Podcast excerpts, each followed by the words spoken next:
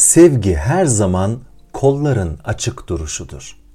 Sevgi için kollarınızı kaparsanız kendiniz dışında tutacak hiçbir şey kalmadığını görürsünüz. Radyonda Haluk Var'a hoş geldin. Önceki programda okuduğum Leo Buscaglia'nın satırları öyle çok ilgi gördü ki bu zengin içeriği neden bir programda sınırlı tutayım diye düşündüm. Bu programda yine Buscaglia'nın Sevgi isimli harika kitabından bir başka bölüm okuyacağım sizlere. 1924-1998 yılları arasında yaşamış olan yazarın orijinal adı Love olan Sevgi isimli kitabı ilk olarak benim de doğduğum yıl olan 1972 senesinde yayımlanmış. Türkiye'de okuyucuyla ilk buluşması ise 1992 yılını bulmuş. Doktor Sevgi lakabıyla ünlenmiş olan Buscaglia, kitabında sevgiyi hak ettiği yere öyle muazzam bir zenginlikle ve bir o kadar da yalınlıkla oturtuyor ki, yıllar içerisinde dünyanın dört bir yanında sevgiyi gerçek ve saf haliyle yaygınlaştırmak, içimizdeki sevgiyi uyandırmak ümidiyle ve başka hiçbir beklentisi olmadan çok satan kitaplar arasına giriyor. Beklenti demişken bu kez okuyacağım bölüm de tam olarak bundan bahsediyor. Sevginin beklentisiz oluşunu anlatıyor. Bu hafta yine bir paralellik olsun diye Meta mobil aplikasyonundaki ilişkiler serisinde de bu konuya farklı bir yaklaşımla değindim. Eğer hala telefonunuza indirmediyseniz hadi şimdi Meta aplikasyonunu indirin ve bu podcast'i dinledikten sonra bir de oradaki podcast'imi dinleyin. Gelelim şimdi kitabımıza. Bakalım neler yazmış Doktor Sevgi bu bölümde. Sevgi her tipte ve derecede olmak üzere tüm uygar insanlarda vardır. Sevginin temeli ve gelişmesi için gerekli potansiyel de her insanda bulunur. Şu halde sevgi zaten var olan bu öğelerin üzerine bir yapım işlemidir sevgi bir kişide hiçbir zaman tamam olmaz. Her zaman gelişip olgunlaşmasına uygun bir ortam bulunmaktadır. Kişinin yaşamının her aşamasındaki sevgisi oluşmanın farklı bir düzeyindedir. Kişinin sevgisini tümüyle gerçekleşmiş ve oluşmuş olduğunu duyumsaması aptalca bir durum olur. Mükemmel sevgi gerçekte pek seyrek görülür herhangi bir insanın bunu elde edebilmesi şaşırtıcıdır. Ancak bu ifademiz mükemmel sevginin olmayacağı anlamına alınmamalıdır. Mükemmel sevgiye ulaşmak gerçekte en büyük çabamız olmalıdır. Aynı zamanda kişi sevginin türleri olmadığını sezinleyecektir. Sevgi tek bir türdedir. Sevgi, sevgidir. Kişi sevgiyi ne şekilde bilirse o tür bilir, ifade eder ve eylemini ona göre yapar. Bunu olgunlaşmasının her aşamasında böyle yapar. Bu bakımdan kişi çocuklar gibidir. Çocuk doğduğunda sevgiyi pek az bilir ve tüm şeyleri eşit biçimde sever. Sevgiyle büyürken artan bilgisiyle ayırt etmeye başlar ve sevgisini test etmek üzere buna yanıt verici şeyleri yoklamaya başlar. Besinleri ve aynı zamanda annesini sever. Annesi kendisine besinden daha çok yanıt vericidir. Böylece annesini daha çok severek gelişir. Sevginin dereceleri ve yalnızca bir tek türü bulunmaktadır. Kişi sevginin güvenilecek bir şey olduğunu keşfedecektir. Deneyim gösterir ki yalnızca aptallar her şeye güvenir, inanır ve kabul ederler. Eğer bu doğruysa sevgi en aptalca şeydir. Çünkü güven, inanç ve kabul üzerine oturtulmazsa bu sevgi olamaz. Bu konuda Eric Fromm şöyle demiştir. Sevgi bir garanti olmadan kendimizle yüklenimde bulunmak, sevilen kişi de bizim sevgimizle sevgisinin oluşacağı umuduyla kendimizi tümüyle vermektir. Sevgi bir inanç eylemidir. Kimin biraz inancı varsa onun aynı zamanda biraz sevgisi de vardır. Mükemmel sevgi kişinin her şeyi vermesi ve bir şey beklememesi olabilir. Kuşkusuz kendisine bir şey sunulursa bunu almakta istekli ve hevesli olacaktır.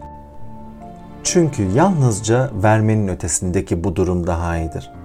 Ancak kişi kendiliğinden bir şey istemeyecektir. Çünkü insan hiçbir şey beklemez ve istemezse hiçbir zaman aldatılmış ya da düş kırıklığına uğratılmış olmaz. Sevgi yalnızca istemde bulunulduğu zaman acıyı getirir. Bu ifadeler pek temel ve basit kavramlarmış gibi görünürlerse de aslında oldukça güçtürler. Pek azımız bu denli güçlü, bu denli izin veren, bu denli güvenli ve bu denli bir şey beklemeyen kişilerizdir. Durum şaşırtıcı olmamalıdır. Çünkü ta çocukluğumuzdan beri herhangi bir çaba harcayışımızda mükafat beklememiz bize öğretilmiştir. Eğer bir yerde çalışırsak uygun bir ücret bekler. Bunu almazsak işten ayrılırız. Bir yere bitki veya ağaç dikersek onların çiçek ya da meyve vermesini bekleriz. Vermezlerse söker atarız. Bir işe zamanımızı ayırırsak bir sevinç ya da övgü bekler. Bu olmazsa o işi yeniden yapmaya karşı çıkarız. Gerçekte ortaya konulan mükafat çoğu kez öğrenmenin tek teşviki olur. Oysa sevgi böyle değildir. Yalnızca sevgiyi bir beklentimiz olmadan veririz. Örneğin sevdiğiniz kişinin de karşılık olarak sizi sevmesini ısrar edemezsiniz. Bu fikir komik bile olur. Bununla birlikte bilinçsiz olarak çoğu kişinin yaptığı budur. Eğer gerçekten seversek bu durumda sevgimizin karşılık göreceğine inanmak, güvenmek, umut vermek ve bu fikri benimsemekten başka seçeneğimiz kalmaz. Ancak bu konuda bir güvence, bir garanti kesinlikle olamaz. Eğer kişi sevmek için karşılıklı ve eşit olarak sevileceğine emin oluncaya kadar beklerse sonsuza değin bekleyebilir. Gerçekte insan bir beklentiyle sever. Sonunda kesinlikle düş kırıklığına uğrayacaktır. Çünkü çoğu kişinin ona karşı duyduğu sevgi büyük olsa bile onun bütün gereksinimini karşılaması olası bile değildir. Kişi sever çünkü bunu ister. Çünkü bu ona neşe verir. Çünkü olgunlaşması ve kendi kendini bulmasının buna bağlı olduğunu bilir. Tek güvencesinin kendi içinde olduğunu da bilir. Eğer kendisine güvenir ve inanırsa başkalarına da güvenip inanacaktır. Karşısındakilerin verebileceklerini benimsemeye heveslidir. Ancak başka hiçbir şeye değil, kendisine güvenebilir ve yalnızca kendisine bağımlıdır. Budistler istemde bulunmayı bırakınca aydınlanma yolunda tam olarak ilerleyeceğimizi söylerler. Bu imrenme, imrenme duyulacak barış durumuna belki de hiç varamayacağız. Ancak kendimiz dışında istemeden ve beklentimiz olmadan yaşayabildiğimiz sürece düş kırıklıklarından uzak kalabileceğiz. Bir başka kişiden bazı şeyler beklemek hakkımızdır ama bu aynı zamanda mutsuzluğu davet etmek olur. Başkaları sizin istediklerinizi değil, yalnızca muktedir oldukları şeyi verebilirler ve vereceklerdir. Sevgimizin üzerine koşullar yüklemeyi bırakınca sevgiyi öğrenme yolunda dev adımlar atmış oluruz. Sevgiyi arayan insan sevginin sabırlı olduğunu görecektir.